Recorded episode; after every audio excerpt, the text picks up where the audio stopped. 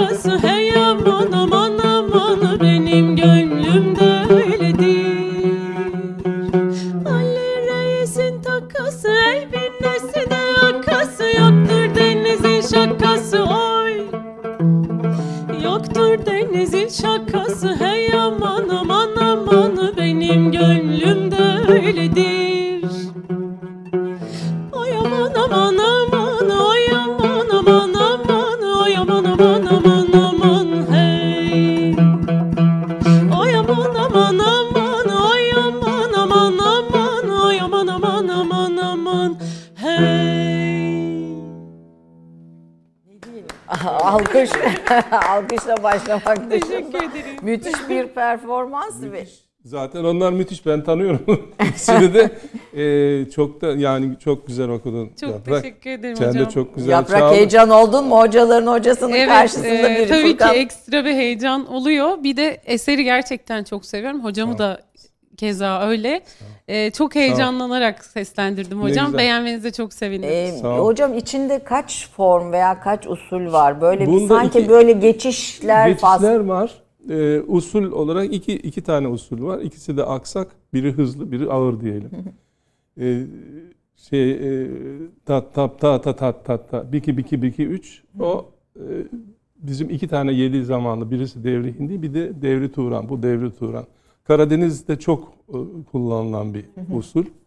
Ondan sonra öbürü de e, ağır aksak gibi düşünüyoruz ama ağır aksan evfer hali. Yani son tarafta tappa yapan öyle bir şey var. Senkop. Murat Bardakçı duymasın benimle dalga geçiyordu. Niye? sen, sen de diyor kavcığa senkop hep onlardan yapıyorsun. Kavcığa senkop do- dolu diyordu. Şimdi çok güzel okudunuz. Evet, evet. Zor da zor, zor bir eser yani. Bu bir de Okunması e, zor bir benim eser. hocamın e, şey şiiri. Öyle mi? Kimin efendim? Ahmet Kutsi Tecer. Ahmet Kutsi Ahmet Tecer. Kutsi akademide okuduğumuz Evet. sırada bize estetik dersine geliyordu. Kocaman bir adam. O, o, o, o kocamanlığın içinde zarafeti olan Bir birisi. adam. Öyleydi. Mesela şu benim aklımda sanatların bir kısmı mekanda meydana gelir. Heykelde işte resim iki boyutludur falan. Ama muski diyordu tabii. Ben müzik diyorum. Müzik zamanın içinde hayat bulur diyordu. Bu çok mühim bir şey. Buna bakmak lazım tabii. Müzik O zaman sürekliliği, e, zamanın devam eden ve sürekliliğin içinde e, mekanı orada buluyor mü- müzik. mi? ha, ye- yerin hayatını orada Hayatını buluyor. orada Evet, buluyor, evet, canlılığını evet. orada, orada buluyor. Yani zamanla mekan birbirine ters gibi şeyler. Birisi işte madde görürüz, öteki geçip gidiyor ama hayatımız hep onun içinde. O zaman bittiği zaman hayatımız bitiyor. Şarkının da veya türkünün, çocuk şarkısının zamanı başladı, zamanı bitti. Yok şimdi. Evet, bi- bi- bildiğim onun da bir dönemi, bir devri daimi vardı. Evet işte. Efendim çok kıymetli bir konuğum var. Ee, Profesör Mutlu. Torun. Ee, Türkiye'de e, yüksek müzik, e, dünya standartlarında yüksek müziği temsil eden ve bu müziği hem analitik düzeyde hem teorik düzeyde hem icra noktasında yaşatan, yaşatan ve e, oluşturduğu metotlarla sonraki nesillere e, bırakan çok özel bir isim, çok özel bir hoca. Gerçekten Türkiye'nin değerlerinden, değerli isimlerinden birisi. E, Türk müziğinin hem geleneksel hem de deneysel e, açık yüzünü, akademik ve artistik çehresini en ileri en ileri düzeylerde temsil eden bir isim diyor. Süleyman Seyfi Öğün yine aynı şekilde e, birçok müzik araştırmacısı Cem Behar'dan birazdan alıntı yapacağım yine e, Alev Alatlı ve birçok e, Türk müziği üzerine düşünen birçok ismin de e, Türkiye'nin dünya çapında yetiştirdiği e, müzik insanlarından birisi olarak tanımladığı bir ismi masamda konuk ediyorum. Heyecanlıyım. Konuyu bilmiyorum. Ee, yani çalıştım biraz ama yani çalışmakla olacak bir şey değil. Kaç yıllık müthiş bir Konuyu bilik- bilmiyorum diyorsunuz ama yani konuyu nasıl araştırdığınızı ben biliyordum. Şimdi tekrar da biliyorum ama buradaki iltifatlara çok teşekkür ederim. Estağfurullah iltifat değil şey efendim. olmasın müthiş yani. müthiş bir şey yaptınız. Evet. Bunu anlamaya çalışalım. Sizin aslında Türk müziğine ne yaptığınızı yani geleneksel Türk müziğini modernle buluştur, buluştururken diyelim veya bugünün insanına taşırken e, bir metot ortaya koyuyorsunuz. Bir ut metodu koyuyorsunuz. Bir sürü eser ortaya koyuyorsunuz ve hep bir yeni arıyorsunuz. Ee, ve bunu yaparken de o gelenekselin tınısını, e, tarzını bozmuyorsunuz. Bütün bu e, bileşimi diyelim nasıl ortaya koyduğunuzu e, konuşmak ve anlamak istiyorum. Şu prensip şu, şurada yazıyor bakın alt isim. Gelenekle geleceğe. Gelenekten geleceğe değil. Gelenekle Gelenekten geleceğe. değil, gelenekle Gelenekle beraber geleceğe yani amaç o. Ama e, şey metod için bu yazıldı böyle. Yoksa benim hayatımın içinde e, diyelim ki müzik hayatım başlayıp da böyle dallanıp budaklanmadan yani bir yandan Batı müziğine bir yandan Türk müziğine kapılmadan e, kapılma sıralarında e, ve çok e, uzun zaman başlangıçlarda falan hiç böyle bir şey yapayım bilmem böyle bir ne derler ink, muskide inkılap falan filan bunu yapayım öyle bir şey yok hiçbir zaman. Ben gönlümün istediğini yapmaya çalışıyordum hep. Hep hala da öyle zaten. Sadece e, konservatuarlardaki vazifem vazifemiz vazifem dolayısıyla böyle bir takım şeyler metotlar falan çıktı. Yoksa ben e, işte şey değil Muski'de inkılap Şeyde, İnkılap- eğer Cemal Reşit'in bir yazısı vardı. Eğer ekrana gelirse o. E, Sizin de Cemal Reşit'in talebesisiniz aynı Evet zamanda. yani 3-4 sene ona devam ettim. Evet. Ee, aslında bir özgeçmişinizi e, izleyelim eğer hazırsa arkadaşlarımız için. Onun üzerinden albümler, e, ut metodu ne- niye gerek duyuldu? Daha önce böyle bir e, çalışma yok. Ee, Var. bir- e, Ha bu Bu- bu- bu çerçevede. şey olarak bundan önce Cınışen Tanrı Koru'nun var. Çok iyi bir metottu. Ee, basılmadı. Cınışen'in bir, bir sürü şeyleri basıldı. Neden metot basılmadı? Buna aklım ermiyor. Çok güzel bir metot. Ee, ondan önce tabii Şerif Muhittin Targan'ın var. Targan'ın Kendine var. has. Ee, ve o- çok önce 1900 yılında Hafız Mehmet'in metodu var. Bir öğrencim hatta onu şey yaptı, e, inceledi. Daha sonra var yani.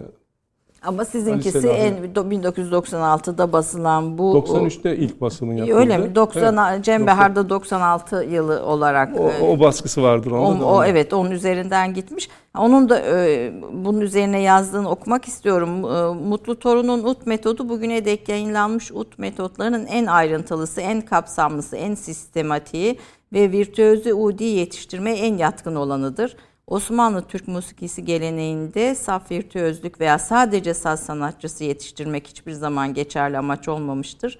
Mutlu Torun metodunun gelenek dışı duruşu yani modernliği son derece çarpıcıdır diyor.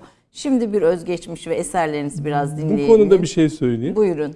Bütün bu modern işte modern öğretim sistemleri müzikte falan filan ama bunların hepsi aslında bizim meş sistemimiz bunun şeyi Merkezi. merkez şeyinde temelinde ve e- eğitim hayatının hem başında hem de en son özellikle en sonunda meş sisteminin olması lazım. Ama bugün artık biz meşki Cemil Bey'i bulamıyoruz. Yorgo Bacanas'ı bulamıyoruz ama şeyden dinleyip Kayıtlarda. e, kayıtlardan bilgisayardaki ağırlaştırıp falan notayı alıp onlardan çalışıyoruz. Ondan analiz yapıp ondan çalıştırıyoruz. Ben de çalışıyorum hala. Hepsinde bir farklılık gördüğünüzü söylüyorsunuz bütün bu Yorgo Bacanos ve bütün bu, bu, bu eski kayıtlarda dinlediklerinizde de. Tabii her müzisyenin mümkün mümkün değil farklı o farksız olması birbirinden. Hepsinin farklı tarafı var. Şimdi bu araya başka bir şey sokayım. Ahmet Mithat Efendi midir o parantez içinde bir şeyler sokuyor. Evet. Geniş parantezler onun ama bir paragraf. Daha dar parantez. Eşim bir şey yazdı. Ee, bir kitap yazdı. Aslında ressam resimli e, yazılı. Adı şu. Her kedi bir başka alem. Evet. Başka bir. Şimdi kediler bile böyleyken besteciler birbirinden veya icracılar nasıl farklı olmasın birbirinden? Ee, Siz diyorsunuz ki geleneğimizdeki meşk sisteminden bugünkü notalı eğitime geçiş devrinde nota bilenler eski sistemi kulaktan çalmayı küçümsemişlerdir. Ancak tamamen notaya da dayalı eğitimde ve kulak eğitimi ezbere icra gibi konular zayıf kalmıştır. Bu açıdan metotlardan yapılan çalışmada geleneğimizdeki işitmeye dayalı sistemin avantajlarından faydalanmak Kesin. gerekir. Ve yani illa bu notu da düşüyorsunuz. Evet yani bir notalı e, bir düzen var ama bu düzende mutlaka o geleneğin meşk sistemini besleyerek, birlikte Tabii besleyerek. meşle, beslenir, me- beslenmesi lazım. Sadece bizim müziğimizde değil. Batı'da da öyle. Yani burada birisi keman öğreniyor. Gidip İtalya'da bilmem kim ustayla çalışıyor. Veya piyanist gidip şununla çalışıyor. Çalışma işte o meşk sistemi O mesh sisteminin devamı. Yani birebir ustayla karşılaşıp onun düşüncelerini almak. E, Şeyde mesela akademide resim dersinde veya başka bir şeyde e, tuvaller karşısındadır. E, Bir tane resmi alır. Gelmiş Bedri Rahmi mesela anlatıyor. "E, Evladım şöyle şöyle falan. Onu bütün öğrenciler dinliyor. Öyle bir ders bir daha yapılamaz. Çünkü o resimden bir şey bir konu çıkıyor. O konuyu anlatıyor. Meşte de öyle bir şey var. Veya karşı karşıya eğitimde de öyle bir şey var. O müzik sırasında öyle bir şey olur ki işte öyledir Ali Reis'ine giderken Tamam ama o an önceden nefes alman lazım ki nefesin yetsin. Mesela onu orada konuşursun. Başka bir yerde konuşamazsın. Yani öyle sistematize edilecek konularda değil dediğiniz O gibi var. o, o ana O da- dayalı evet, hani evet. o ana dayalı ve o anlık e, eğitim e, usulünde mutlaka taşımak Bütün gerekiyor. sanatlarda olması lazım bunun yani. Bir eserin üzerinden onun incelenmesi, gözleminden çıkan sonuçların işte sanatçıya e, Verilmiş. kalması. Kaç talebe yetişti şimdiye kadar? Kaç 1976'dan beri bildiğim kadarıyla. 76 konservatuarın açılışları. Ondan önce özel öğrenciler vardı. Sonra da oldu. Ama hiç sayısını bilmem. Bilmiyorum ki.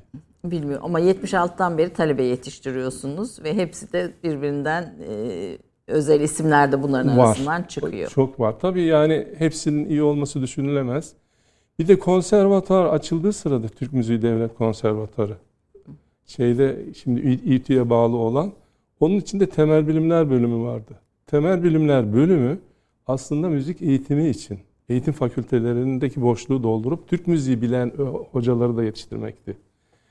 Ve oradaki öğrencilerin içinde çok iyi Udi'ler çıktı. Ama onların hepsinin de iyi Udi olması beklenemez. Onun için yani böyle standart olan var. İşte çok iyi. Ben başlangıçta herkesi çok iyi olsun diye e, yırtınıyordum ama bu değil. Yani o öğrenci o kadar kalacaksa o olur ama ileri giden de öyle gider. Yani öğrenciliğe göre. Orada neye göre bir ayrım görüyor musunuz öğrencinin pırıltı sahne ışığı falan diyoruz ya yani sizin bir hoca olarak işte pırıl. Ee, şöyle ben ikiye ayırıyorum. Bir tanesi doğuştan gelen yetenektir.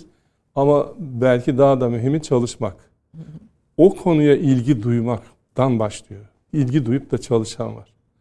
Öyle e, kafamda bir takım formüller var. Kabiliyeti 5 ise 1 çalışıyorsa 5 sonuç olur. 1 çarpı 5.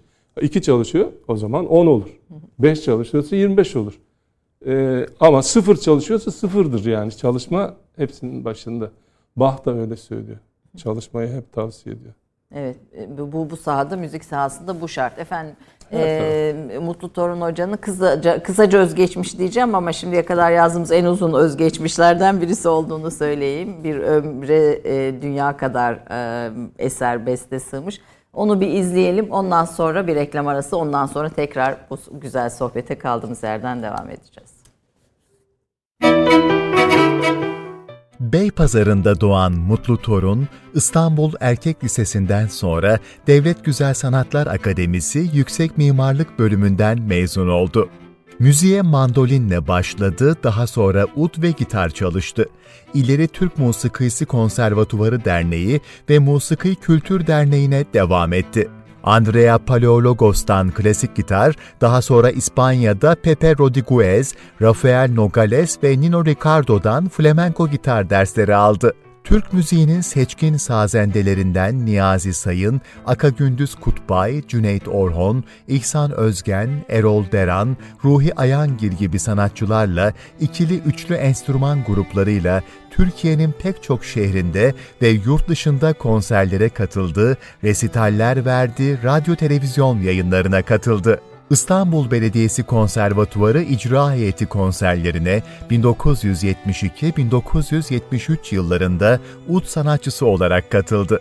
Bosporos topluluğunun üyesi ve Timur Selçuk yönetimindeki İstanbul Oda Orkestrası'nın solisti olarak konserlerde çaldı. Cenan Akın'la armoni derslerine başladı, İstemihan Taviloğlu'yla devam etti.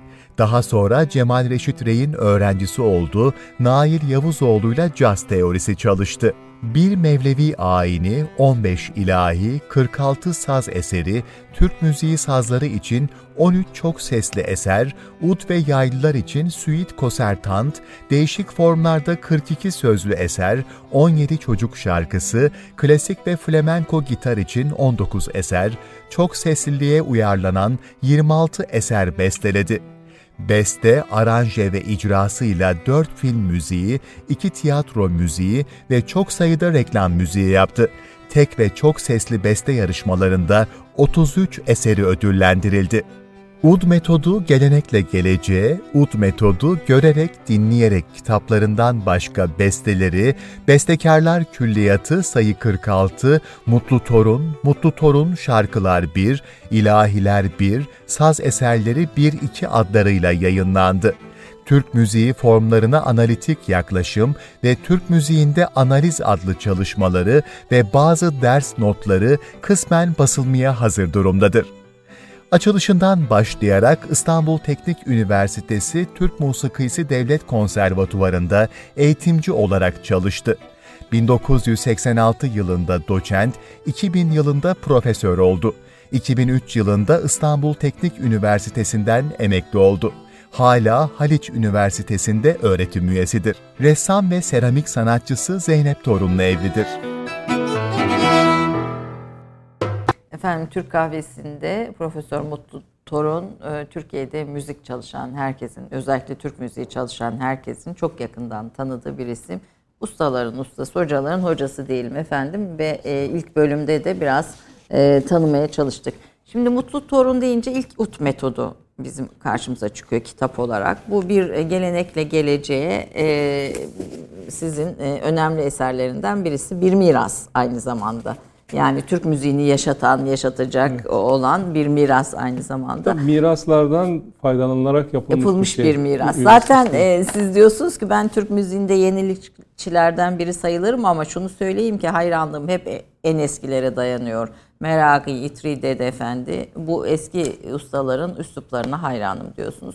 Şimdi buradan başlayalım. E, bu neden bizim için bu kadar önemli? Türk müziği açısından neden bu kadar önemli? E, ve burada aslında yapmaya çalıştığınız şey neydi?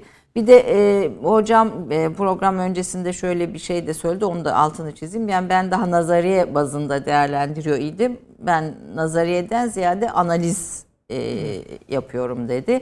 Biraz onu da açın isterim buyurun. Bunların ikisi de e, benim başıma e, konservatuar hocalığı sebebiyle gelen şeyler. E, yani ben kendi kendime o ilk başladığım sıralardaki hevesimle işte ut çalmaya devam etseydim. Mandolin çaldım kaldı ama sonra gitar başladı. Klasik gitar, flamenco gitar. Onları çalmaya devam etseydim. Aralarında köprüler kurmaya çalışıp öyle giderdi iş. Hatta daha da belki daha da araştırıcı, daha araştırıcı demeyeyim de arayıcı, E, arayışlı e, yeni şeylere doğru giderdi. Ama ne zamanki konservatuvar açıldı 1976'da şimdi İTÜ'ye bağlanan Türk Müzik Devlet Konservatuarı o zaman e, ders veriyorsak metot lazımdı. O biraz önceden biraz başlamıştım. Sonra Cinuçen'in metoduyla beraber başladık. Cinuçen hoca olarak gelmedi ama onun metodu vardı. TRT'nin 1971'de büyük ödülünü kazanmıştı. Çok iyi bir metod. Onunla beraber baş. Bir yandan ondan veriyordum fotokopisi, bir yandan ben yazıyordum. Sonra fotokopi verdiğimi duyunca Cünçen dedi ki öğrencinin kendisinin nota yazması lazım. Ben taraftar değilim fotokopi. Onunkini bıraktık. Ondan sonra hep devamlı bu metot gelişti. Böylece hayatla iç içe yani öğrencinin öğrenmesiyle iç içe gelişti. Ee, burada e, bir yandan e, benim aklımda olan gitarda ne noktalara geldikleri Batılıların. Aslında enstrümanların tümünde de böyle bir şey var. Bizim müziğimiz aslında e, bir nota gördüğünüz anda o notayı bir solist bir tamburi çalıyor. Hayır orayı işte 80 kişilik bir koro işte 70 kişilik bir orkestra da çalabilir veya başka bir grup çalabilir. Ya bir kişi oturup neyzen de üfleyebilir. Yani bizim saz eserlerimizde, sözlülerde herkes için yazılmıştır. Her saz için yazılmıştır. Ama mesela e, keman piyano sonatı dediğimiz zaman o, o iki enstrüman için yazılıyor. Kemanın bütün imkanlarını kullanmak ister yazan. Bizimkinde çok kolay. Alıp notayı hemen başlayabilirsiniz. Bağlama içinde geçerli mi bu mesele? Bağlamada biraz farklı bir durum var. Bağlamada tek nota yazılmasına rağmen diğer tellere de vuruyor bağlama çalan. Hele müthiş bir grup çıktı işte e, şeyde Arif Sağ'dan sonra Erol Parlak, Erdal Erzincan gibi yıldızlar çıktı. Onlar şelpe tekniğini çok geliştirdiler. Onu dinlediğiniz zaman o dediğim bahsettiğim klasik gitara da gerek yok. O çok geliştirdiler. Bağlamada böyle bir enteresan durum var. Biraz daha farklı. Bağlama kendine göre başka bir çalış yollarını aradı ve buldu. Daha önceden de vardı o. Ama bizim sazlarımızda çok fazla değil. Daha çok melodiyi takip ediyoruz. Aslında bizim aleti kamil dediğimiz e, neydir? Neden aleti kamil? Çünkü insan sesine benziyor. Bizim amacımız enstrümanları insan sesine benzetmek. Batı müziğinde bunun tersi var galiba. Onlar da insan sesini alet gibi kullanmaya çalışıyorlar. O hani aryalarda ha ha ha falan şeyler, sesler.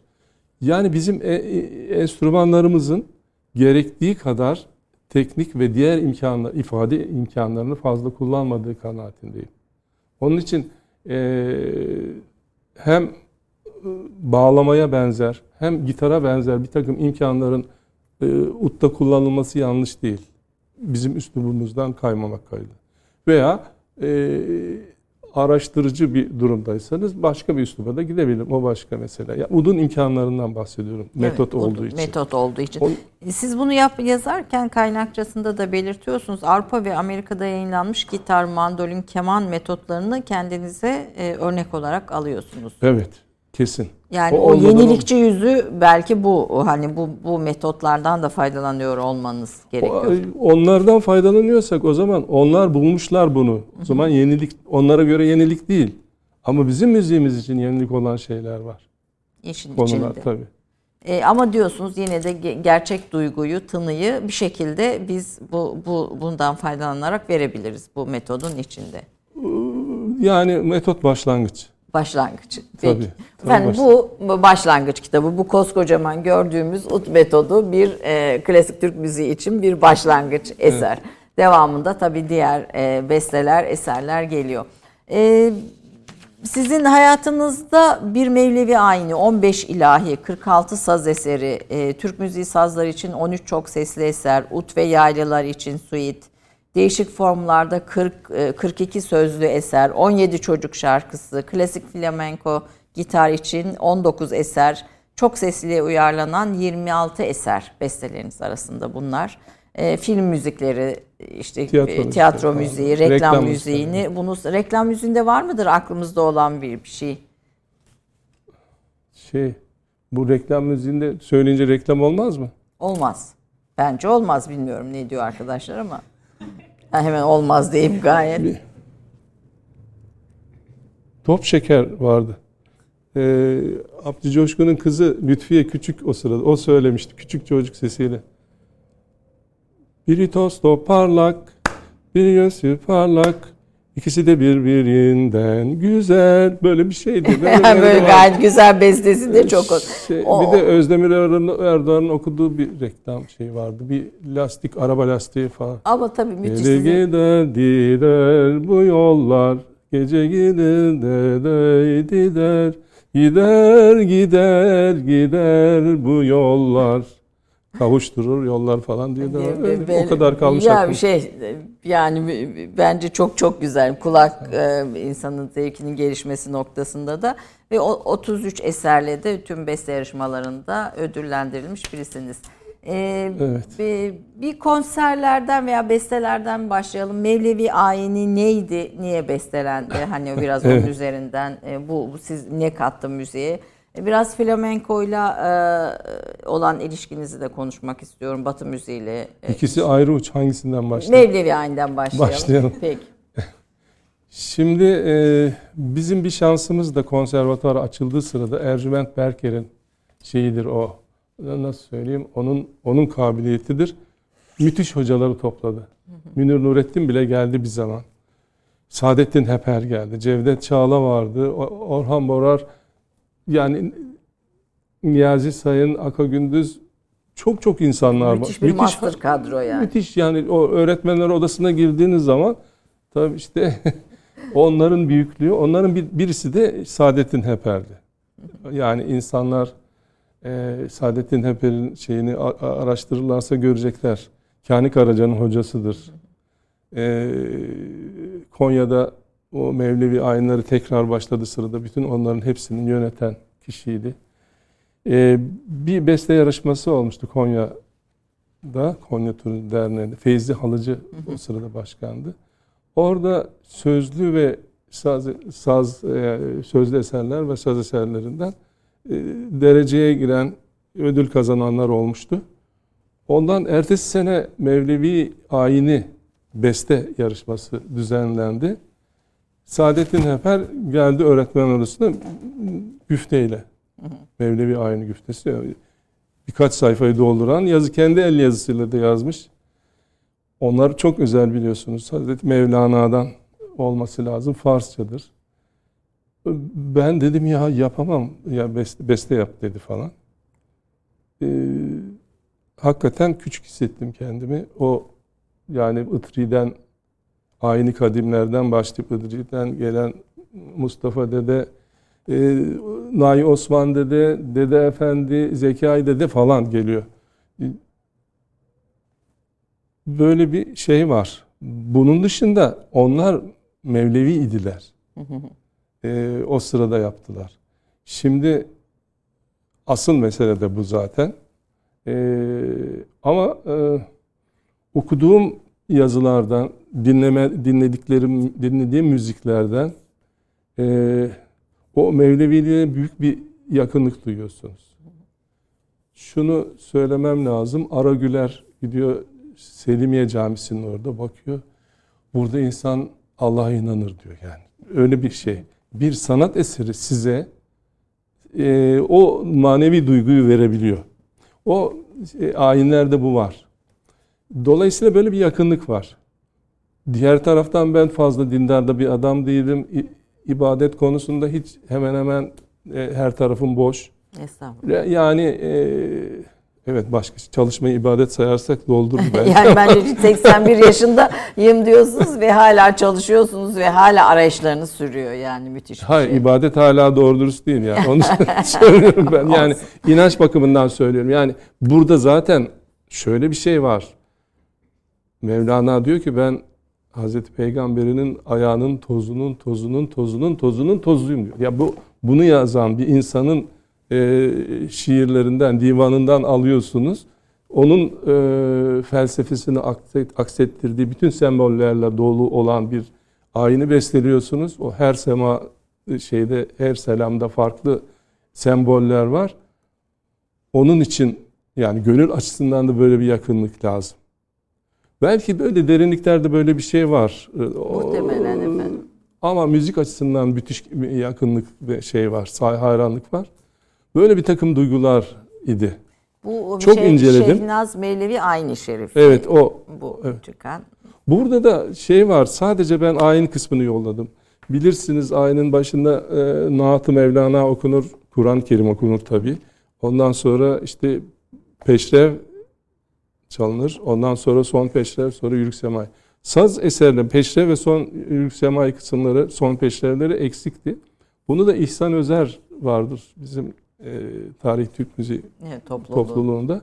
Onlar icra edecekti. Önce Konya'da e, şey meydan gördü derlerdi eskiden. Yani e, manevi bakımdan demeyelim de temsil olarak meydanı görmüştür. Tekrar Yenikapı Mevlevi Hanesi'nde onun icra sırasında bunların besteleri de İhsan Özer Yaptı. sayesinde oldu. O, onun zorlamasıyla yaptık ve yazdılar notayı. İşte Saadettin Heper'in isteği sonucunda ve birazcık da hı şeyinin sonucunda böyle bir Güzel yani bir şey bir e, güzel inşallah güzeldir. bir eser çıktı. Efendim e, şöyle el yazısıyla bir bir şey var burada. Bu- İhsan Özgen Mutlu Torun İhsan Özgen Allah rahmet eylesin e, kaybettik kemençe önemli keme, kemençe sanatçımızdı. Çok. E, Rönesans müziği aynı çağda biz Fekirdek resti üzerinde böyle Çekirdek. çekirdek mi fail gibi Çekirdek bir çekirdek. Onu yazan şeydir. e, Fikret Kızılok. öyle mi? Fikret Kızılok bildiğimiz o hafif müziği dediğimiz müziğin şeyi ama e, çok kaliteli eserleri var söylemesi falan filan. O bir çekirdek sanat evi açıyorum dedi. Onun ilk açılışında biz gittik ve küçük bir yer olduğu için yani burası kadar bir yer neredeyse. O orada bir hafta boyunca biz çaldık her gün aşağı yukarı benzer program çaldı. Onunla o teyplerle kayıt yapıyordu. O kayıtlardan toplayıp bunu Yayında yaptık. var mı bunlar efendim? Yani bir, de- Bunlar YouTube- satıldı o zaman. Ondan sonra biz bir kaset çıkardık İhsan'la beraber. Bu Stü- herhalde. Stüdyoda doldurduk. O kaseti vardı. Bu da e, Omar'ın çıkartmış olduğu daha birkaç sene önce çıktı bu da. O.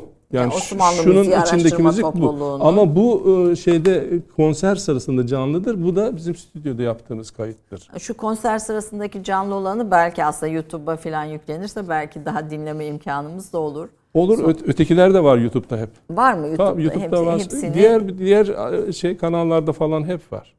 CD'ler koyuyorlar zaten. E, flamenco İspanya'ya gidiyorsunuz. Flamenco müziği üzerine çalışıyorsunuz. Zaten aslında mandolinle başlıyorsunuz. Evet, E, ortaokuldan. Hani e, müziğe.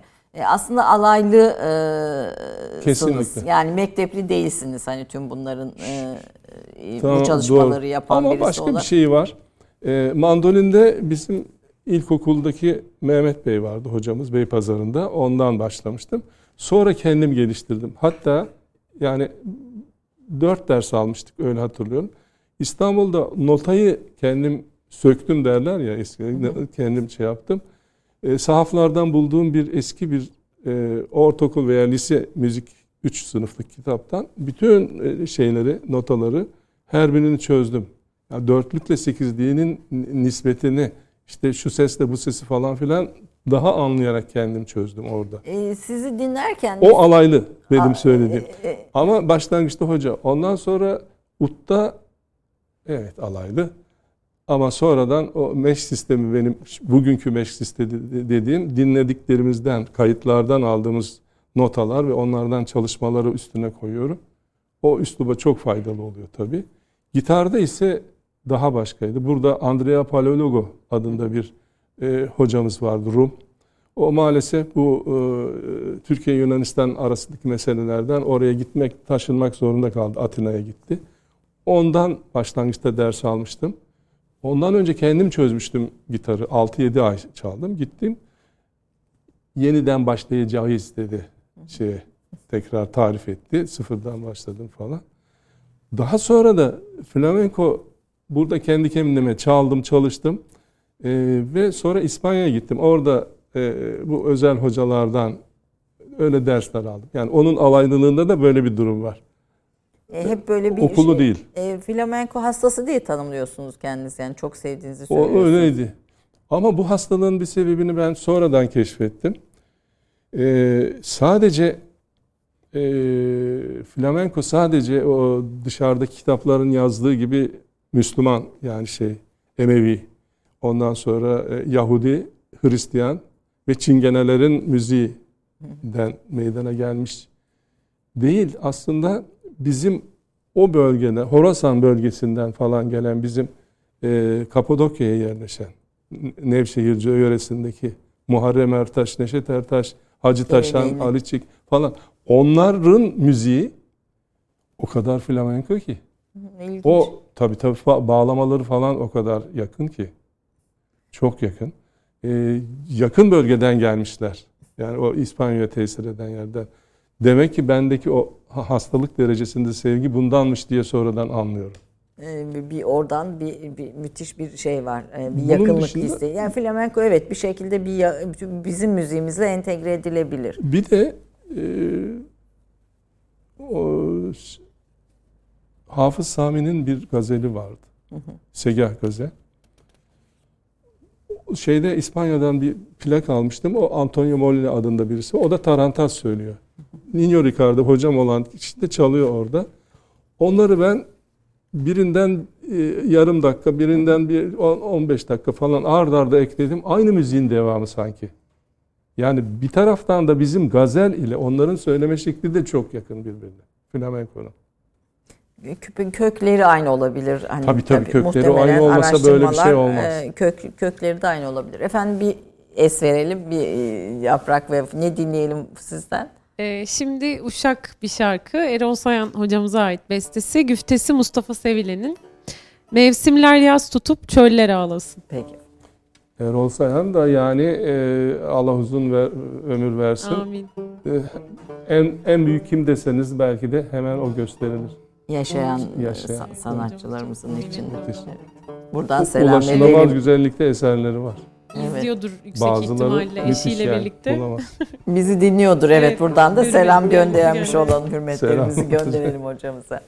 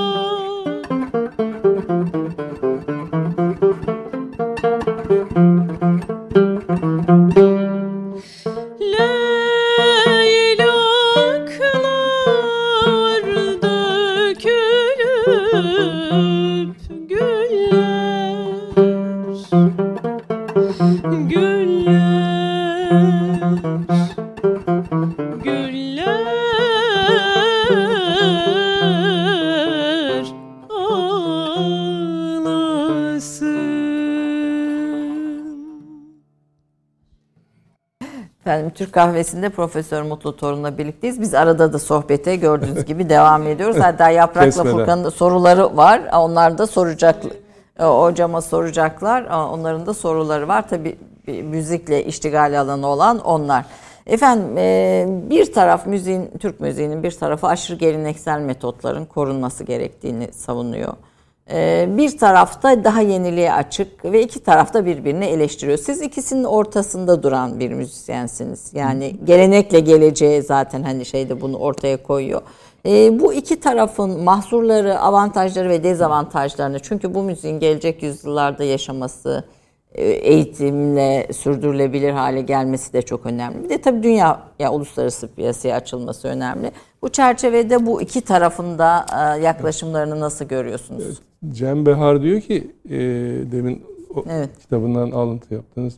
O e, gelenek değişime uğrar. Gele- Gelenek gelişir zaten diyor. Gelenek olduğu gibi durmaz.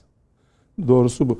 Dolayısıyla hep bir değişme olması lazım. Her değişimde gelişme olmayabilir.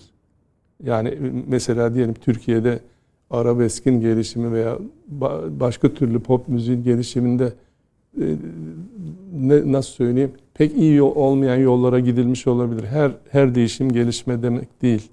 Aslında Türkiye'nin kendisinde bu var. Yani Türkiye'nin kendisi de hala ta siyasette de bu var. Evet. Ee, Edebiyatta da var. Hepsinde var. Yani bu bunun olması da çok yanlış bir şey değil. Doğru bir şey. E, ve benim küçüklüğümde daha doğrusu müzikle okuduğum zamanların ilk e, sıralarında hep çarpışırlardı. İşte e, bir yandan Hikmet Şimşek var, bir tarafta Layıka Karabey var falan. Bu, bu yani Türk müziği ve Batı müziği hep savaş halindeydi. Çünkü Muski'de inkılap yapmak istiyordu Atatürk. E, şey topladı, şura topladı. Cemal Reşit'ten dinlediğim şeyler var. Açarsam buraya doğru da giderim ama zaman şey yapmıyorum. Yani Şimdi biraz devam edelim tabii ki buyurun. Ee, böylece bir e, Batı müziği girdi Türk müziğinin içine. Ya ta şeyden başlayan bir şeydir o. Yani 1826'dan evet. Daha, evet evet daha da öncesi işte şeyden e, bandonun gelmesiyle müzikte başlayan bir şey. E, Batı müziği girdi. Daha sonra metotlar oldu, bilmem ne oldu. Ee, sonra işte cemiyetlerde dersler falan filan. Türk müziği kendi içinden böyle Batı müziğiyle biraz küçük aşılamalar, Dede Efendi'de bile görülen böyle Batı tesirleri varken e, devrim şeklinde e, inkılap yapılmak, de, yani devrim e, yapılmak istenince tepkiler doğdu. Çünkü yeni Türk müziği çağdaş Türk müziği de, denilen şey e, halk tarafından pek tutulmadı. Hele Türk müziği tarafından hiç tutulmadı. Dolayısıyla birçok kişinin içinde e, çok sesli müzik deyince birdenbire tüyleri diken diken olmaya başladı. Hele Türk müziğinin çok seslendirmesi deyince hiç daha da öyle bir grup olmaya başladı. Muhafazakar grup birazcık öyle. Ama bunlar başlamada mesela Cemil Bey'in bütün icralarını dinleyin. Onun içinde istediği gibi akora benzer şeyler basıyor. Diğer tellere vuruyor. Kemençeyle bir tel çalarken öteki bir telde e, psikata yaparken öteki telde yay çekiyor adam. Şeyde yaylı tamburda falan. Onda hiç öyle bir endişe yok. Ne zaman ki e, Batı Kültür müziği kavgalarının Batı, içine evet, Batı evet. müziği geldi, bütün eğitimden Türk müziği kalktı işte falan filan. Ondan sonra aralarında böyle bir şey baş, rekabet başladı. Ama çok şükür bugün öyle değiliz. Biz hatta Cüneyt Orhan Necati Giray üçümüz çok sesli Türk müziği diye öyle bir grubumuz vardı. TRT'de çaldık. Cüneyt Bey orada e, müzik dairesi başkanlığı yapmış bir adam. Ama Türk müziğinde bunu yayınlayamayız dediler. Neden? Çünkü çok seslilik var. Batı müziğinde yayınlamayız dediler. Çünkü Alaturka dediler. Biz sonunda gayet klasik olan o çok sesli Türk müziği çalışmalarımızı, icraları hafif müzikte yayınladık. Yani TRT'nin durumunu söylüyorum o zamanki. Kategorilerin içine giremedi çünkü. Evet öyle bir şey yok böyle bir şey diye. Ama şimdi öyle değil. Şimdi e, konservatuar, Türk Müzik Konservatuarı'nda çok kıymetli batı müzikçileri var. Çok iyi müzik. Yani şimdi öyle bir çarpışma kalmadı. Batı ve Türk arasında. Yani kültürel kamplaşma azaldıkça bu çatışmada müziğe yansıyan kısmında evet, daha belki daha de, birbirine geçti belki aslında. Belki de şunu söyleyebiliriz. Yani yukarıdaki e, siyaset tarafı çarpışırken müzik müzikçiler belki de anlaştı da diyebiliriz bugün artık. Yani Batı ve Türk müzikçileri o kadar yabancı değiller birbirlerine. Türk müziğinin içindeki bu meseleye gelince yenilikçiler veya eski de şey gelenekçiler veya e, muhafazakarlar dediğimiz zaman bu her zaman o da o da vardı zaten. Ee, yani ne bileyim bir uluslararası akademide e, işte Malev Hoca'nın bir yazısında vardı Berkeley mesela bir uluslararası Türk müziğini öğretmeye kalksa artık metotlarla ve şeyle öğretebilir mi? Burada bir çok metot yapıldı evet. evet Yap, epeyce bir, yapıldı. Yani biz uluslararası bir akademide Türk müziği öğretilebilir artık. Öğretilebilir. Başka meselelerimiz var. Yani bugün kullanılan e, Aren ezgi uz dilek sistemi denilen o nota işaretler falan filan onlar da bir takım e, şeyle uygulamayla anlaşamayan yerler var ama Biz bütün burada mesela ben bur- burada da ve bütün derslerimde onu esas alıyorum. Çünkü başka birisi onun yerine geçmedi. Onun içinde şöyledir böyledir diye şey yapıyoruz. Bir- Mesela Türk müziği formlarının analitik yaklaşım. Bu sizin ders e, notlarınız. O daha başka bir şey. O Ve- daha ileride bir şey. O analizle ilgili. Analiz. Şimdi Bu- siz kendinizi nazariyeci değil de anal- analitik yani anal, e, an- analist diyelim ya da daha e, şey birisi olarak tanımlıyorsun. Müziğe, Derslerde, Türk evet. müziğine analitik yaklaşan. Bu bize ne, ne getiriyor? Analitik yaklaşmakla gördüğünüz veya bizim de toplum olarak bir yüksek müzik değeri olarak e, eriştiğimiz nokta ne oluyor? Şimdi genellikle e, bizim müziğimizde bir nazariyat, bir uygulama meselesi var. Aslında nazariyat dediğimiz teori kısmının uygulamaya dayanması lazım. Ne kadar uygulamaya da çakışıyorsa o kadar sağlam bir nazariyattır. Ama e, nazariyatçılar da genellikle kendi sistemini kurar. O kendi sistemine her şeyi uydurmaya çalışır. Arel'de mesela 24 sesin dışına çıkmamak üzere kurmuştur. Halbuki 24 sesten çok daha fazla ses kullanılır. İşte tam burada hadi bakalım saysan oktavın içindeki sesi bir oktav kaç tane çıkar? Ee, dolayısıyla hele transpoze çalınca o 24 yetmez. Yani sonsuz sayıda perde var. Bu doğrusu bu. Yani uttaki gibi, kemandaki gibi, violonseldeki gibi e, perdesiz bir yerde her tarafta, her perdede çalabilirsiniz her şeyi. Yani uygulamanın getirdiği biz nazariyattan e, yola çıkıp uygulamada bazı şeyleri düzeltiyorsunuz. Mesela uşak makamında işte deminki eserde si sesi bir koma görünüyor ama biz iki, iki buçuk koma e, bas, basılıyor, daha pes basılıyor. Bunu bütün müzisyenler biliyor. Hatta orada hiç işaretli olması uşak deyince onu basar. E, böyle bir şey var. Nazariyatta böyle bir şey var. Bu söylediğim analiz işinde başka bir şey. Ee, bu dersler sol- e, dolayısıyla ben buna başladım. Hem e, İTÜ'ye bağlı olan konservatuarımızda başlamıştım yüksek lisans ve sanat yeterlik derslerine. Ondan sonra Haliç'te de devam ediyorum. Haliç'e 2003'ten beri ben oradayım. Yani neredeyse 20 senede olacak. Or, burada da ikisinde de verdiğim dersler çoğalmaya başladı. Önce işte Türk müziği formları vardı. Formlarını anlatıyordum. Ondan sonra analiz, Türk müziğinde ana, eser analizi diye bir derse başladık. Bir eseri alıyorsunuz, inceliyorsunuz. Onun formu nedir? Formun içinde biçimi nedir? Büyük ABC, zemin nakarat mı yani? İçindeki cümleleri nedir? E buna baktığınız zaman o zaman nasıl edebiyatta bir cümleyi anlıyorsanız, müziği de o açıdan baktığınız zaman anlıyorsunuz. Dolayısıyla o bakımdan faydalı. Nazariyatta böyle bir şey yok. Müzik cümlesi falan filan geçmez. Aslında ruhuna biraz daha e, vakıf oluyorsunuz e, analizle. Evet. Biraz daha e, belki bestecinin şeyine e, Kesinlikle öyle. Daha Şey, vakıf batıdan bir şey söyleyeyim. Analiz diyor bestecinin e, ne yapmak istediğini, nasıl nasıl duygular ve düşünceler aktarmak istediğini ve bunu ne yolla aktardığının araştırılmasıdır diyor analiz. Evet. Hacı Arif bu şarkı, Hacı Arif Bey şarkıda ne düşünmüş, nasıl bir duygusu varmış diye bakmak başka. O tarafı var. Ama bir de eserin formuna bakıyorsunuz. Nasıl cümleler kurmuş, şeyi kurmuş. Sözlere nasıl mü- müzikler getirmiş. Orada melodi nasıl gitmiş? Yani makam nasıl gidiyor? Nasıl geçkiler yapmış? Usulü nasıl kullanmış? Usul geçkisi yapmış mı? Usul birer kalıptır. Onun üstüne melodi oturur. Ama usule cuk mu oturmuş hepsi? Yoksa biraz değiştirmiş mi? Senkop dediğimiz şeyleri falan mı yapmış falan. E, bunları sözle müzik arasındaki ilişkiye bakıyorsunuz. Yani sözle melodi arasında, sözle ritim arasında, sözle form arasında nasıl cümleler kurduğuna bakıyorsunuz. O zaman onun ruhuna biraz daha yaklaşmış oluyorsunuz. Ne yapmak istediğine. Başka türlü olmaz zaten. yani siz Odis çok iyi bir Odisiniz. Hatta anne Türkiye'nin yetiştirdiği en iyi Odilerden birisi e, olarak da biliniyorsunuz. Çalarken de bu anlayış, bu analiz tabii bir şey veriyor, bir yol gösteriyor Tabii herhalde. Niyazi Sayın'la konuşmuştuk. O e, şimdi rahatsız ama gittikçe daha iyileşiyor. Ve e, bir zaman önceydi. Ben şimdi daha iyi çalarım ney dedi. Çünkü insan ilerledikçe düşüncesi değişiyor. O düşünce müziği yapıyor zaten. Siz bütün röportajlarınızı dinlediğimde bu düşünce üzerinde çok duruyorsunuz. Yani yani çalmak ve fiilini tamamen düşünmek üstünden e, götürüyorsunuz. Tamam. Bu ben de biraz şeye birazcık içerliyorum da. Bizim bestecilerimiz çıkar hep. Ee, işte ben şurada giderken şöyle bir kadına rastladım. O benim şeyimdeki hayal şu gibi. Gittim eve şu besteyi yaptım. Yani sadece böyle duygular üzerinden mi yaparsınız?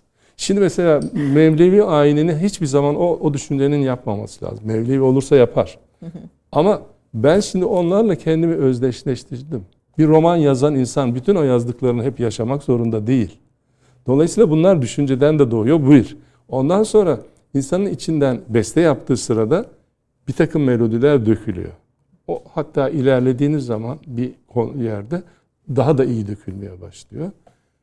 O arada bir yerde tıkanabilirsiniz. O zaman düşünce size yeni yollar açabilir.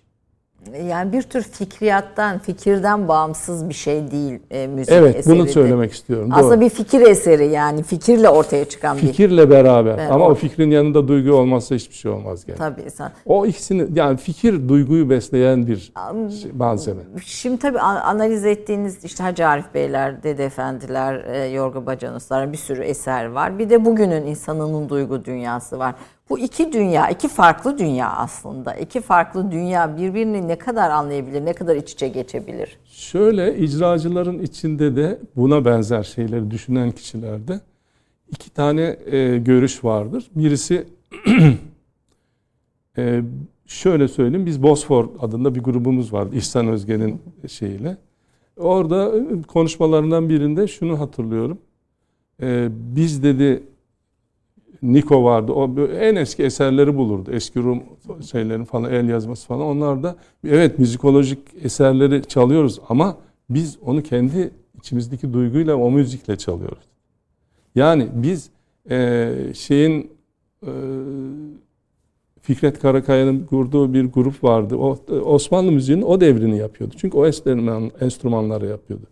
Hayır, Bosfor öyle değildi ve kendi müzik duygusunu o eskinin üstüne kuruyordu. Dolayısıyla demin söylediğim Hacı Arif Bey mesela. Hacı Arif Bey o gün ne düşünüyorsa aynen ben onu yapayım dediğiniz zaman şöyle bir icracısınızdır. A tipisiniz. Hayır Hacı Arif Bey'in söylediği her şeyi ben bugünkü bu duygularıma göre söylüyorum derseniz başka bir icracısınız. Yani besteciye tabi olan bir icra var. Bir de kendi yeni duygusunu. Yeni duygusunu e, la beste yapanın e, bugünkü toplumda buluşması daha kolay diyebilir miyiz? Eğer topluma uygun yapıyorsa kolay ama hayır yani benim gibi başka daha içimdeki toplum için değil de kendi içimdeki duyguya ve düşünceye göre yapıyorsam topluma uzak kalabiliyor. Mesut Cemil de diyordu ki e, bir takım yenilikler yapıyorsanız çok seslilikler falan bunları belli bir dozda yapın. Yoksa dinleyiciliğe bulaşamıyor. Dinleyiciye ulaşamıyor. Buluşamıyor. Evet. Buluşamıyor. E, bu, bugün dinleyiciyle Türk müziğinin buluşması için ne yapmak lazım? Bunu sizden dinlemek istiyorum ama yaprağın bir sorusu var herhalde. Şeyi soracaktım. Tam hocam konuya girdi zaten. Ee, hocam ilhamla mı beste yapıyorsunuz yoksa işte bunun bir tekniği tabii ki mutlaka var. Sadece o yeterli oluyor mu diyecektim. Çünkü ben bu soruyu Erol Hoca'ya sorduğum zaman ilham diye bir şey yok dedi. Ben de oturuyorum. Her şeyin bir tekniği, kuralı, kaidesi var. Öyle yapıyorum. Yani bekliyorsun ya da işte dediğiniz gibi birinin acısını, üzüntüsünü görüp de işte üzülüp eve gideyim de bir beste O, o yapayım. tabii ki var. Böyle Yanlış bir şey, bir şey değil. Çok doğru bir şey. olmuyor demişti. Erol Hoca ne, ne derse desin onun içinde müthiş bir ilham var. O, o var. O şey. Mutlaka hocam zaten de. İkisi beraber yürüyor. Başka bir mesele var. Söylediğinde haklı olduğu bir şey var. Hocam bir kameramız Evet, işaret doğru. ediyor yönetmenimiz. Yani e, bu kamera işleri çok zor. Çünkü ben onunla konuşuyorum, kameraya dönüyorum. Evet, evet, evet. Buyurun. Kızım sana söylüyorum, gelinim sen işte. Evet. Şimdi e,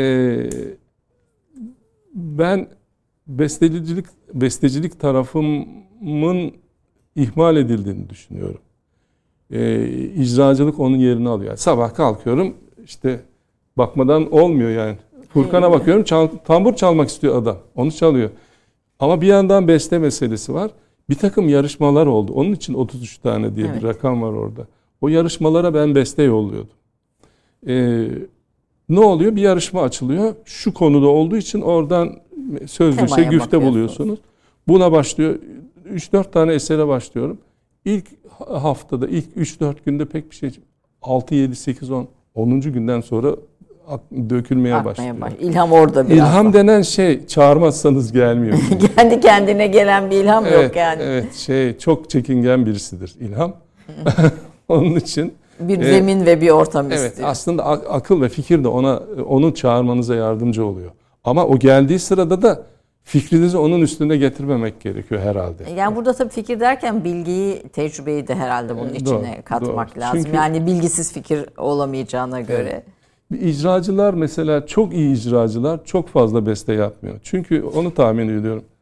İşte deminden beri konuşuyor Yorgo Bacanos. Birkaç çok güzel bestesi var ama adam çalıyor. Çaldığı sırada gidiyor.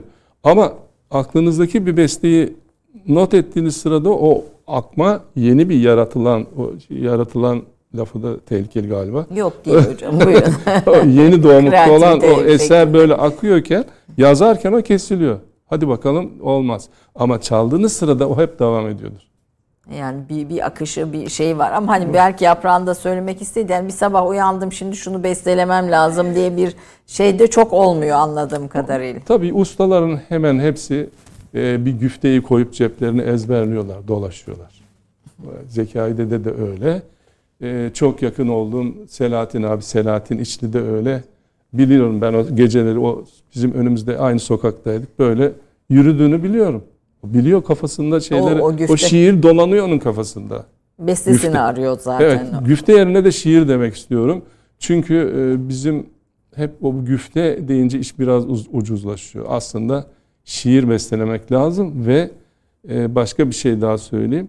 E, bizim repertuarımızın çok büyük bir kısmı aruz vezne şiirleri. Bir kısmı bir- gene büyük bir kısım hece vezniyle. Evet. Türküler de bundan. Ama bir de yeni şiirimiz var. Hiç ben onu diyecektim. Hani sen yatsı de. namaz diye bir gıcık bir laf vardır. İnkar edilemez yani. Evet. O, o kadar bir e, büyük bir şey var ki o yeni şiirin Bir potansiyeli de var. şimdi şarkı sözlerinde duyduğumuz şiirimsiler var hocam. İşte onu söyleyeyim. Şarkı sözü, güfte o, o bana biraz hafif geliyor. Ya bir insan niye şiir yazmaz? Şiir yazar. Şiir bestelenmesi lazım ve yeni şiirin bestelenmesi lazım. Bir de bestenin o şiire uygun olarak yürümesinde fayda var. Onun Burada da belki düşünce gidiyor. Ee, işte e, sizin konservatuarda yani bizim konservatuarda e, kompozisyon bölümünde öğrencilere ders verdiğim sırada ileri sınıflarda bir şiir, yeni şiir buluyorlardı. Hayır bunlar eşit mısralı. Hayır olmayacak. Serbest şiir mısrağı. Serbest vezin. Ve e, serbest vezinle ve onu şey yapıyor ve onu okuyorlardı. Böyle da da da da da. Hayır burası böyle biraz daha vurgulu olacak. Değişiyor. Çok güzel şiir okuyorlar o zaman. Ve onu artık sen git evde notaya al. Ya sıkılıyorlardı. Notaya alamıyorlar çünkü şiirin okumasını notaya almak çok zor. O okuduklarından biraz daha geliştirip e, yani melodiyi geliştirip ritmi değiştirip falan şarkılar çık. Çok güzel şarkılar çıkmıştı. Yani şiirin yolundan giden beste.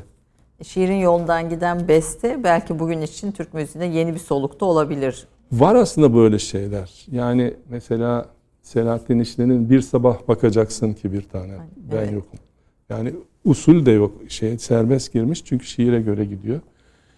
Ee, ne bildiğin kıymetin var mesela Alaaddin Hoca. Yani biraz bir birini biraz şey yapar seslendirebilirsin. Çok severim. E, birini biraz dinleyelim mi böyle hafif Siz yani en azından ne demek yani. istediğinizi anlamak için.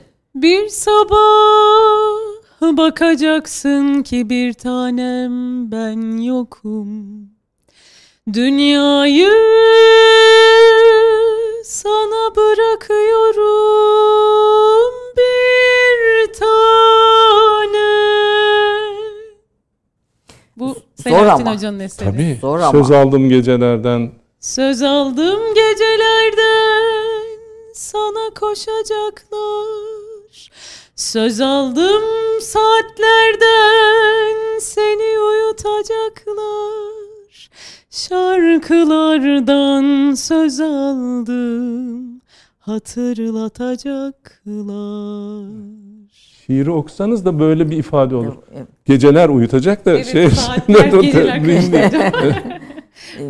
Ya öbürü neydi hocamın demin söyledi? Öbürü e, Alaaddin hocamızın Nihavent şarkısı. Ne bildin kıymetim, ne bildim kıymetin. Reva mı şiddetin, reva mı hiddetin. Zulmeden sen misin, bilmem ki ben miyim. Kader mi, talimi, ayar mı acep ki?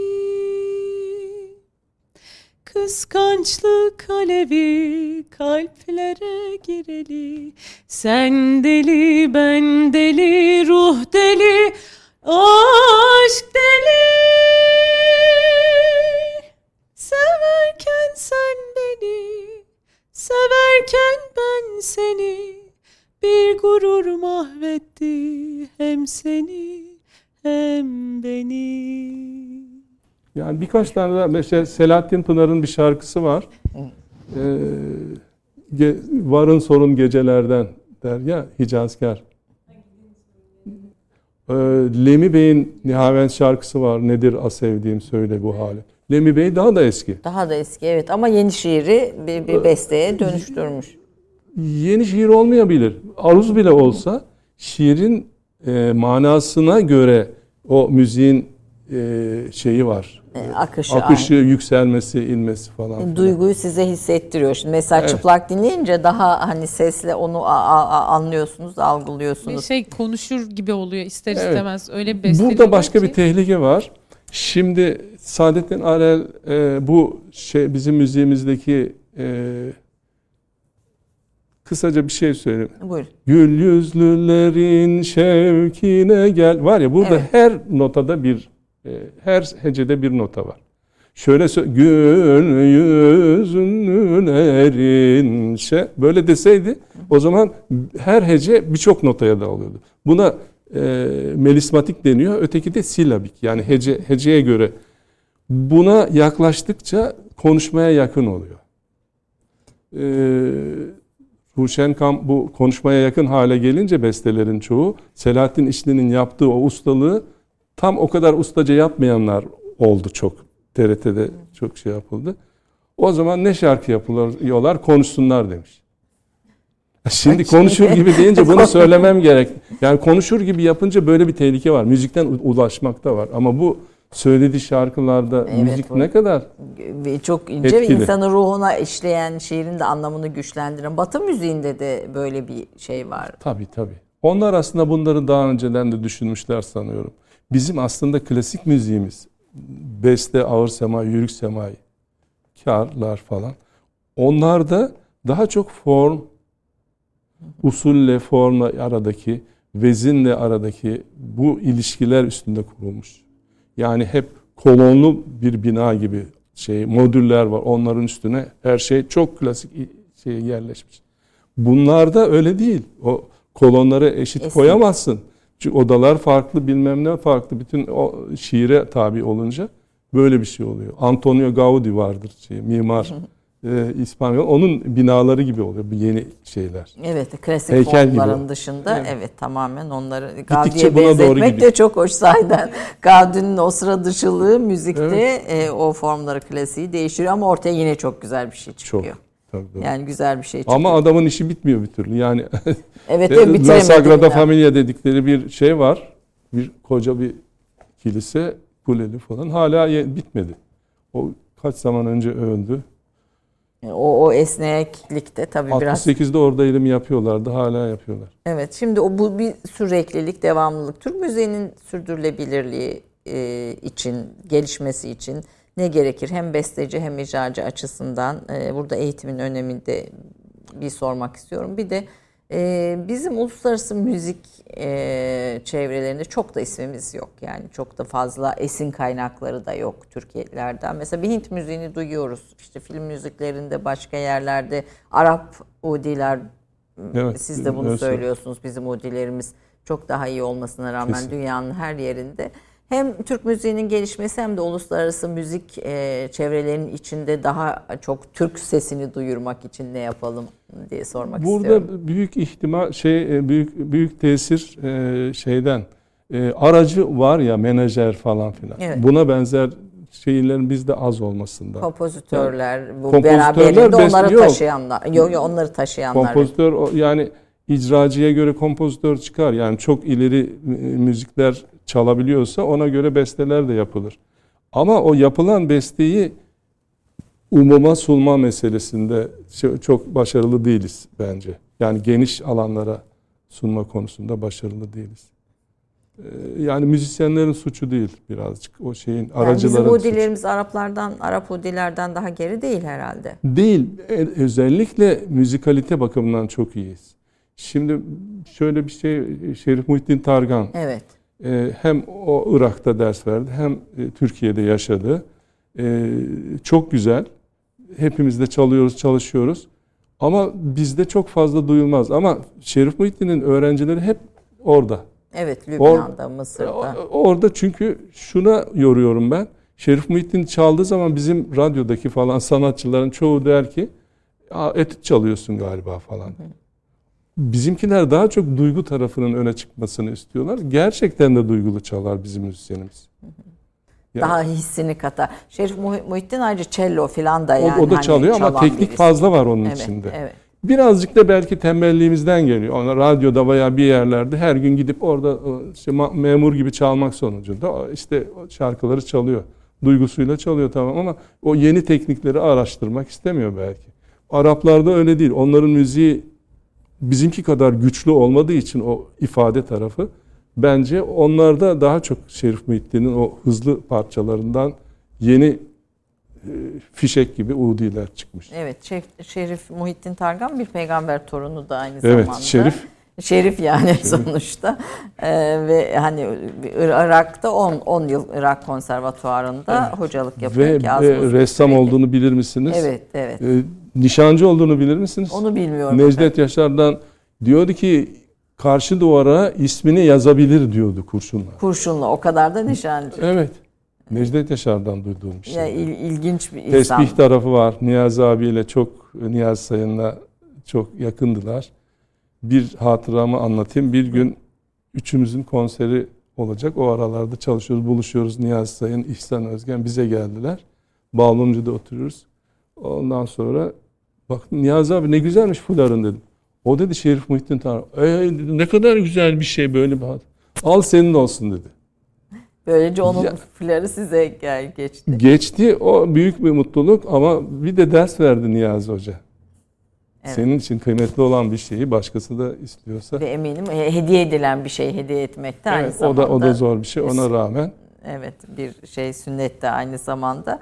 Ee, Türk müziğini geliştirmek için öğrencilere, e, icracılara ne, ne söylersiniz ve bu işin e, yani bu, bu sohbette bu işin fikriyatına, düşüncesine daha çok emek verilmesi gerektiğini söylüyorsunuz. Bununla Yani birlikte daha çok demeyeyim de ya e, hiç olmazsa e, saf dışı edilmesin fikriyat. ön, ön Evet, planda olsun. Evet. E, Şeyin icrada bir defa tekniğin gelişmesi lazım. Ben aslında e, beceremedim galiba ulaştırmakta e, bazı icralar vermiştim. Bir tanesinde mesela şey var. E, Ulvi Afşar vardı arkadaşımız flamenkocu. Onun için bir ağıt var. Buradaki CD, şu CD'de var. Bu, Bunun o- en son parçası. bu Omar'dan çıkan değil mi? o- Mutlu Osman'dan orada. Evet. Ulvi, Ulvi neredesin? Ulvi, Ulvi e, şeydi. Yani biraz detay anlatıyorum Gösterebilirse arkadaşlar e, bunu. şeyi vefat etti. Onun depremde karısı ve kızını kaybetti. Çıkarttı falan kaybetti. O acıyla şey yaptı. Flamenco gitar metodu yayınladı çok güzel. Ve sonra Kurbağalı Dere'ye bir akşam düştü ve yok bulunmadı. Kayıp kayıp oldu. Kayboldu. Ulvi neredesin Ulvi diye öyle bir parça var. Orada da aslında mesela o parçanın içinde utla çalıyorum ama e, hem flamenko var çünkü o flamenkocu rondenya adında bir form ağıt e, ondan sonra hem bağlamaya benzer yerler var çünkü Ulvi de Kayserili oralardan e, falan yani bir şeyin e, enstrüman çaldığı sırada muhafazakar dersek ut ut gibi çalınmalıdır. Hayır başka türlü olmaz. Değil. Cınıçen Tanrı Koru'nun ut çalışını bazısı beğenmez ama bence çok güzeldir. O da tambur gibi çalmak ister. Yani tamburdan da alacağı var udun. Ee, bağlamadan da alacağı var, gitardan da alacağı var. Bunların hepsi de bir araya gelip Yani evet korkmamak lazım bunlardan. birleşebilir. Hem sizin eşiniz Zeynep Torun da ö- önemli bir e, sanatçı. Hem bir seramik Öyledir. heykel sanatçısı. Hatta onun sergilerini de müzikler yapıyorsunuz. Ben böyle bir final soru olarak eşinizin hayatınızda bu kadar verimli hem hocalık hem eserlerin içinde eşinizin rolü Zeynep Hanım'ın size O da hoca. olan etkisi o da hoca. O da resim hocasıydı. Evet, birbirinizi besleyen bir sanat iklimi de var gördüğüm kadarıyla. Hoşgörü bir e, masal mı, bir sergisi Zeynep Torun. O da internette var. Hoşgörü bir Onun mıdan bulunabiliyor. sizin. E, Zümrüde Ankaya yine aynı şekilde. E, ve Eflatun Cem'in bir şeyi, şeyi işte, bir de maskenin altında ne var? Bu güzel sergilerinde müzikleri. Evet, e, onların sergi siz- müzikleri. müzikleri de sizde. Eşinizin sizin için önemini söyleyerek e, bitirelim efendim. Şimdi hani karım der insanlar, eşim der, e, başka bir şeyler de söylenir ama bence en güzeli hayat arkadaşı demek lazım. E, e, mutluyum ki hayat arkadaşı ile beraberim. Çünkü bazı evliliklerde bu olamıyor. Yani bizde Anadolu'da falan filan bu hiç yok maalesef neredeyse. Yani insanların arasındaki iletişimde problem de var. Ee, erkeğin baskınlığı başka mesele. Evet, baş- Bunların hepsi e, yani bizde öyle bir baskınlık meselesi yok. E, ne söyleyeyim? E, mesela Zeynep e, iletişimin daha sağlam olabilmesi için Türk müziğine uzak birisiydi. Ondan sonra konservatuara girdi ve mezun oldu temel bilimlerden. E, bunu rö- sizinle yapılan bir röportajda dinledim. Evet Zeynep Hanım ben diyor yapıyor mutlu çok güzel şeyler olduğunu söylüyorlar fakat hiç anlamıyorum ve hiç aşina olduğum tamamen batı müziği içinde yetişmiş bir- birisiyim. Aşina olmadığım bir şeydi ve bunu öğrenmek istedim diyor. Tabii sizin için Türk Müziği Konservatuarı'na girip burayı bitirmiş bir sanatçı e, ki gerçekten çok kıymetli. bir Sanatçı demeyelim yani tü- Türk müziği sanatçısı Hayır, o hayır, bakımından hayır, değil genel ama sanatçıyı ya resim, resim ve evet. seramik sanatçısı ve heykeltıraş. Ama e, Türk müziğinden uygulamacı olmadı. Ama Türk müziğinin içine girdi gerçekten. Hem e, müziğin kendisinden bir haber değil şimdi hem de müzisyenleri çok iyi tanıyor. Bir konunun dışında olmak istemiyor. İşte Evet. o hani hayat arkadaşı o Hayat zaman öyle. arkadaşı, evet. Yoksa bir konunun dışında kalıyor evin hanımı. Evet. Anlamak e, için e, bö- böyle bir emeği de veriyor. Yani Evet. bu da çok önemli. Buradan da çok selamlarımızı, Son saygılarımızı bir sergi iletiyorum. açtı işte kedilerle ilgili kitabı da var. Evet. Demin bahsettiğim. Ee, Hepsi bir başka kediler diyorsun. evet her kedi bir başka Her- her, kedi başka bir Her alem. kedi başka bir alem. E, devam ediyor mu sergi? Yok sergi yakınlarda bitti. Yakınlarda bitti. Peki efendim. Çok çok teşekkür ediyorum. Lütfettiniz, geldiniz. Böyle süremizin kısıtlılığı içinde bize bir nebze bu dünyayı, bu dünyada yapılabilecekleri e, müzik dünyasında aktardınız. Biraz kendi düşünce du- duygu dünyanızdan da bize bahsettiniz. Ben teşekkür ederim. Sağ olun. çok şeref verdiniz efendim. Çok mutlu oldum sizi tanımaktan. Hep de çok ortak dostlarımızdan çok da saygıyla, hürmetle söz edilen birisiniz. Ee, Allah bereketlendirsin çalışmalarınızı diyelim. İnşallah. Hala çalışıyorsunuz bir şey. Tabii. Şimdi ne yapıyorsunuz? Şimdi anlatayım. Program yetmeyecek. Ee, Ee, bir defa e, her şeyin önünde şu var. Okuldan bir takım borçlarım var. Şu. Tez yapan öğrenciler var. Onların danışmanlığında. e, Bizim gö- gönülün de iki tezinde de danışmandım ben şeyde. Gönül Paçacı'nın. Gönül evet. Paçacı'nın Ee, şeyin e, bazen yoğunlaşıyor. Hoca az olduğu zaman fazla öğrenci geliyor. Şimdi öyle 4-5 tane öğrencinin birden maille yolladıklarını yapıyorum. Bak. Onun dışında e, uzun zamandır gitar çalmamıştım. Geçenlerde gitar bir vesileyle ortaya çıkınca çalmaya başladım. Gitarda da o besteleri çalmam gerekiyormuş. Onu şey yaptım. Kayıt yapmaya çalışıyorum. E, programlarım var bilgisayarda, mikrofonlarım var. Ama o kadar da iradem olmuyor demek ki. Oturup çünkü çalıyorum, bitiyor iş. Yapıyorsunuz. Maalesef enstrüman çalanlarda böyle bir şey. yapıyorsunuz efendim. Bu, bu bilgi ve birikimin öğrencilere aktarılması zaten müthiş bir şey. Tekrar çok olun. teşekkür ediyorum. bir finalde Evet, ne dinliyoruz? Finalde bir İstanbul türküsü dalda çıkmış bir elma diyeceğiz hocam. Peki şimdi biraz daha farklı dinleyeceğim hocamdan edindiğim bilgilerle buyurun.